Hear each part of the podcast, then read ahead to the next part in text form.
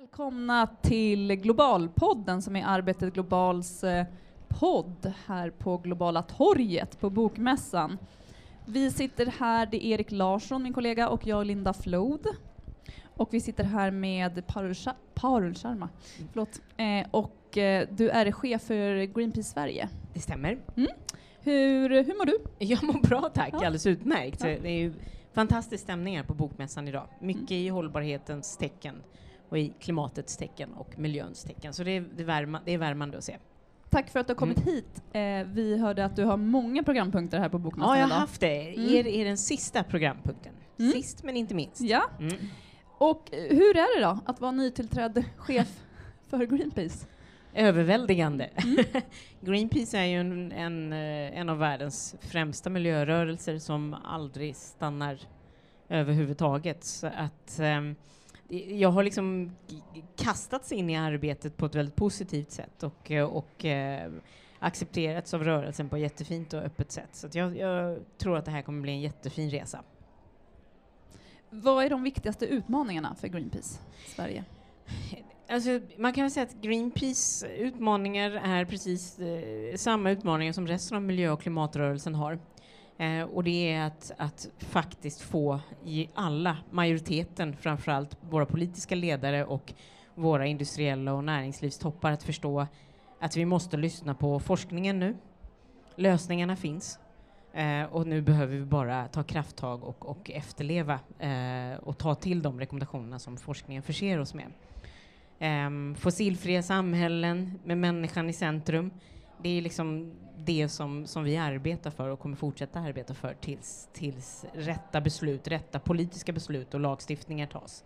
Eh, Du har ju precis skrivit en bok som jag tycker famnar de här frågorna på ett eh, ja, helhetsperspektiv. Liksom. Mm. Boken heter Produktionskedjan. Kan, kan du berätta, vad Mm. handlar den om? Ja, eh, boken heter Produktionskedjan, ditt ansvar för eh, människan och miljön.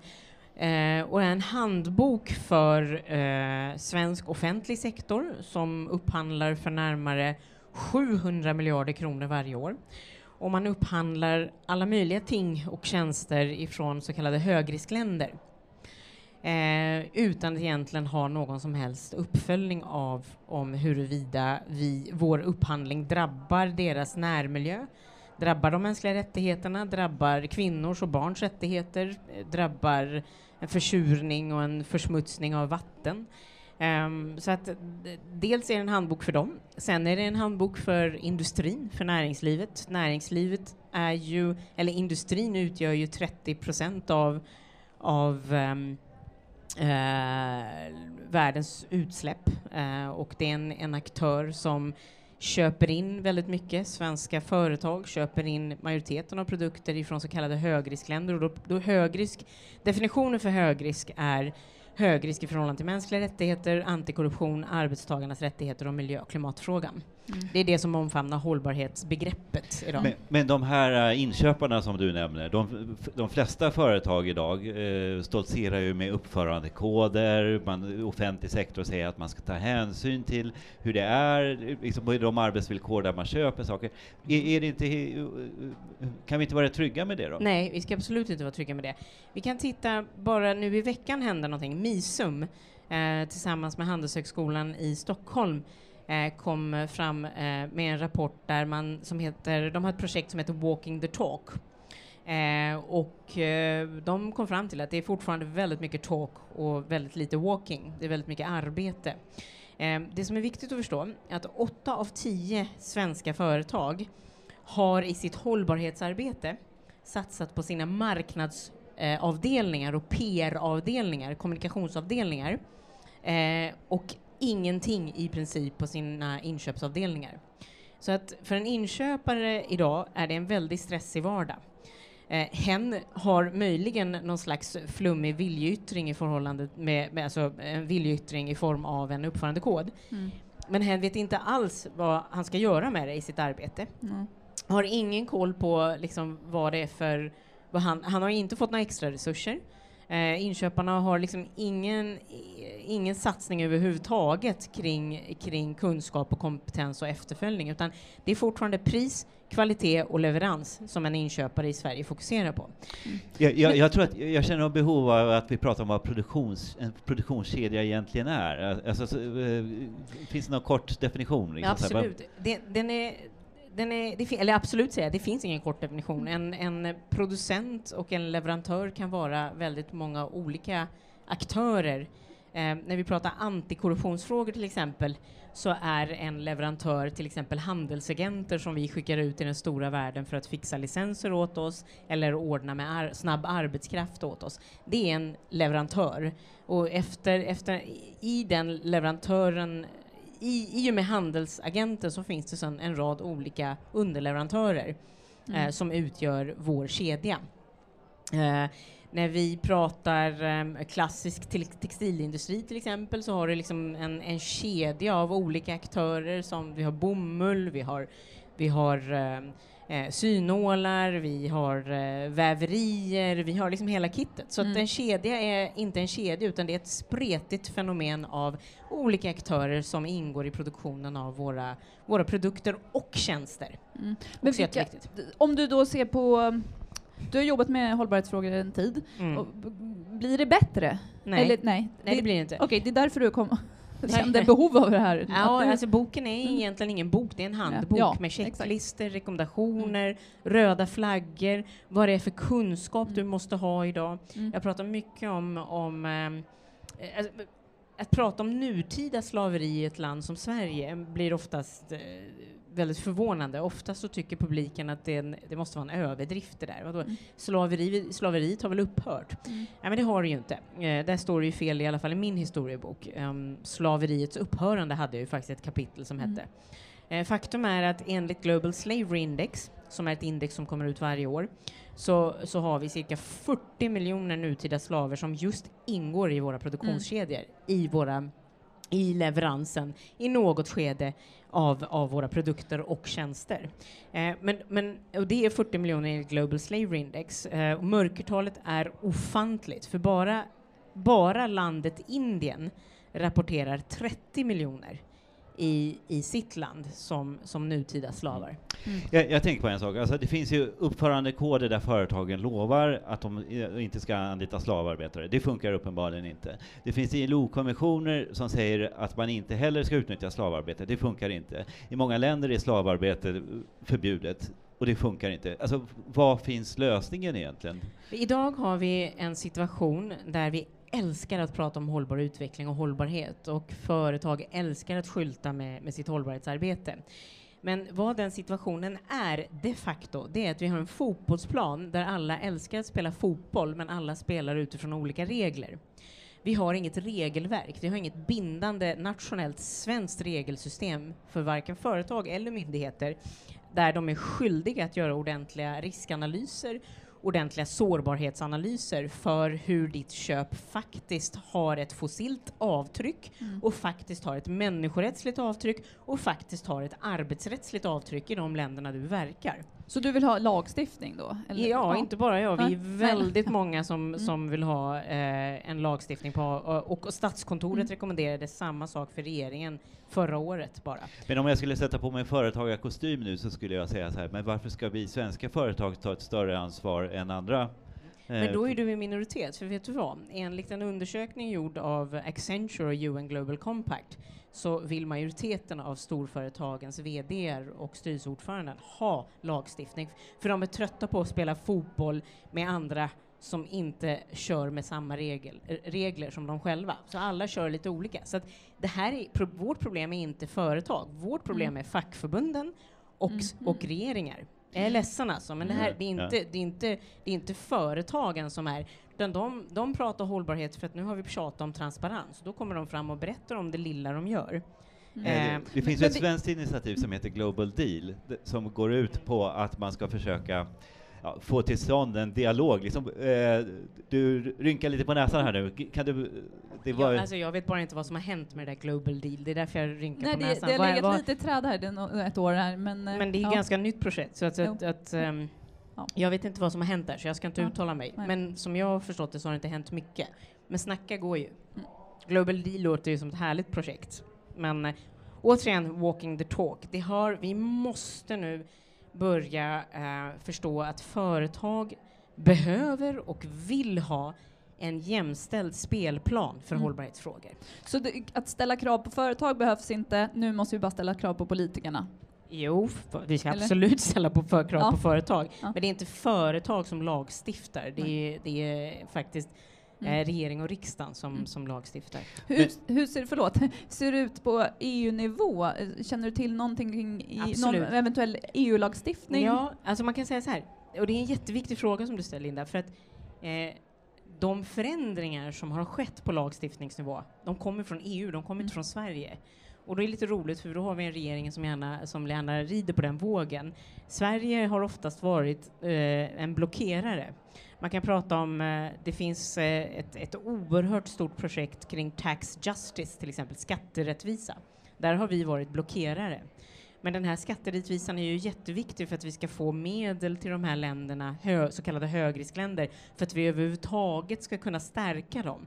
Så att vi överhuvudtaget inte liksom ser såna här högriskrisker eh, där vi faktiskt utnyttjar deras svaga styrsystem. För vi har väldigt mycket företagande idag där man visserligen utnyttjar och utvinner råvaror i väldigt många länder men man betalar inte skatt på plats. Mm. Men där har EU gjort ett gigantiskt arbete och OECD också. Men Sverige har varit en stor blockerare. Eh, om jag tolkar det rätt, så du beskrev företagen som eh, de som är, tar ett stort ansvar, eller i alla fall vill ta, nej, alltså de vill ta ett ansvar för hållbarhetsfrågor, medan fackförbunden och stater var de stora Ja, problemen. Kan, ja, du, kan du utveckla ja, det lite? För, jag, jag säger så här, de vill ta ansvar, men det blir, det blir väldigt mäckigt för en person som jag som alltid får fråga om att jag ska jämföra. För du, säger, du kan inte, nu, jag tar fotbollsplanen som ett exempel igen. Hur ska du jämföra två spelare som går åt olika håll och spelar på olika sätt utifrån olika regler? Hur ska du jämföra de två? Vi kan bara jämföra företag så fort de har en så kallad level playing field. Mm. ett, en, en, en jämställd spelplan med samma lagar och regler. Mm. Och idag har vi inte det. Eh, men jag, och, och undersökningar visar, stickprov visar att företag vill ha tydlighet. De vill ha tydliga ramar. Så det är inte företagen som är emot. Frivillighetskäbblet kommer från våra politiker. Det är, det är socialdemokratin idag som, som i princip blockerar eh, lagstiftning. Vi ser liksom en, en rörelse inom eh, Centerpartiet och, och till och med Moderaterna att man kanske öppnar sig för en, en lag, ett lagstiftningskrav.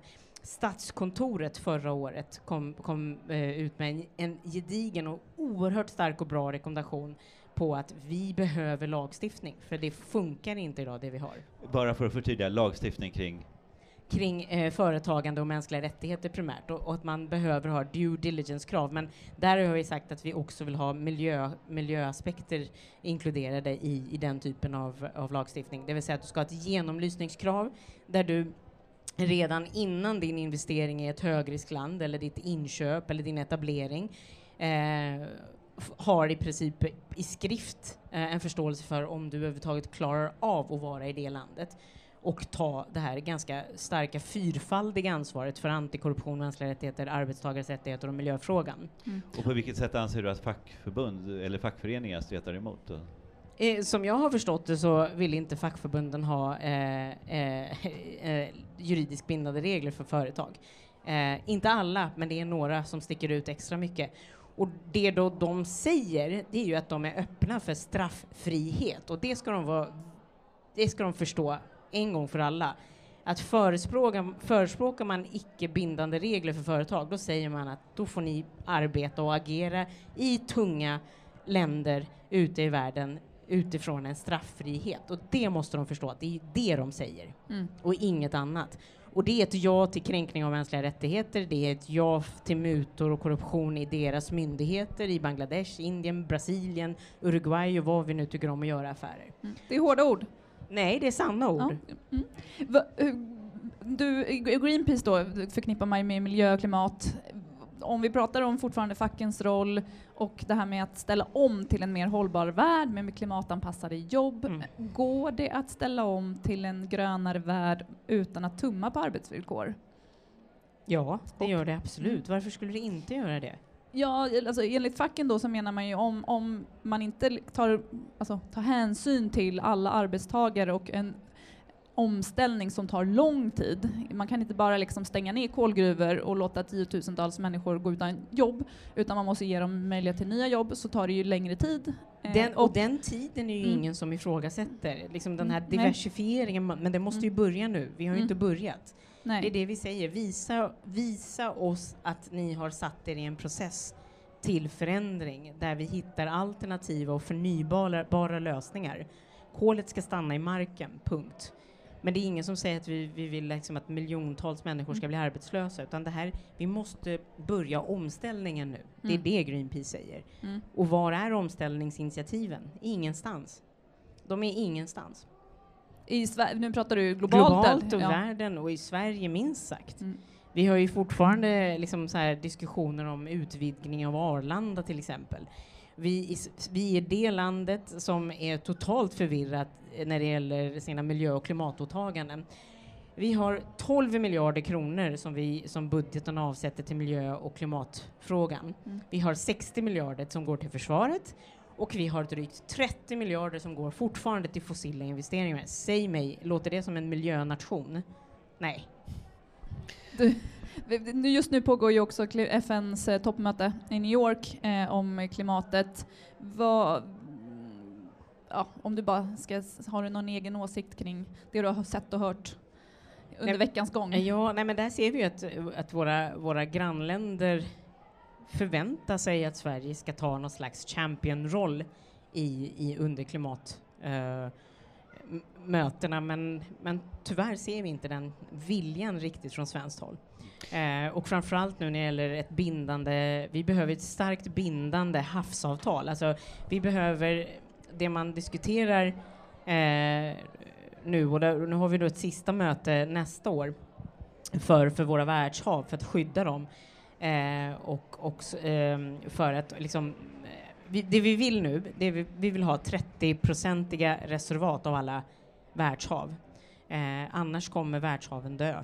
Så är det, så enkelt. Och dör världshaven så, så kommer vi sakta men säkert gå in i, i, i den krisen som vi, som vi inte vill se och som redan har påbörjat. Um, där behöver vi se skarpare krafttag från, från Sveriges regering. Uh, och det är många länder som förväntar sig att, att uh, vi, vi, vår regering eh, tar en så kallad championroll. Och vi, det, där behöver vi liksom ett havsavtal som påminner om Parisavtalet fast för haven. Mm. Så att, eh, har bilden, har svenskarnas bild av Sverige som en, har vi blåst upp den? Ja, det har vi. Som ett Absolut. Klimat, oh, klimatvänligt land? Oh ja, mm. no, du hör ju.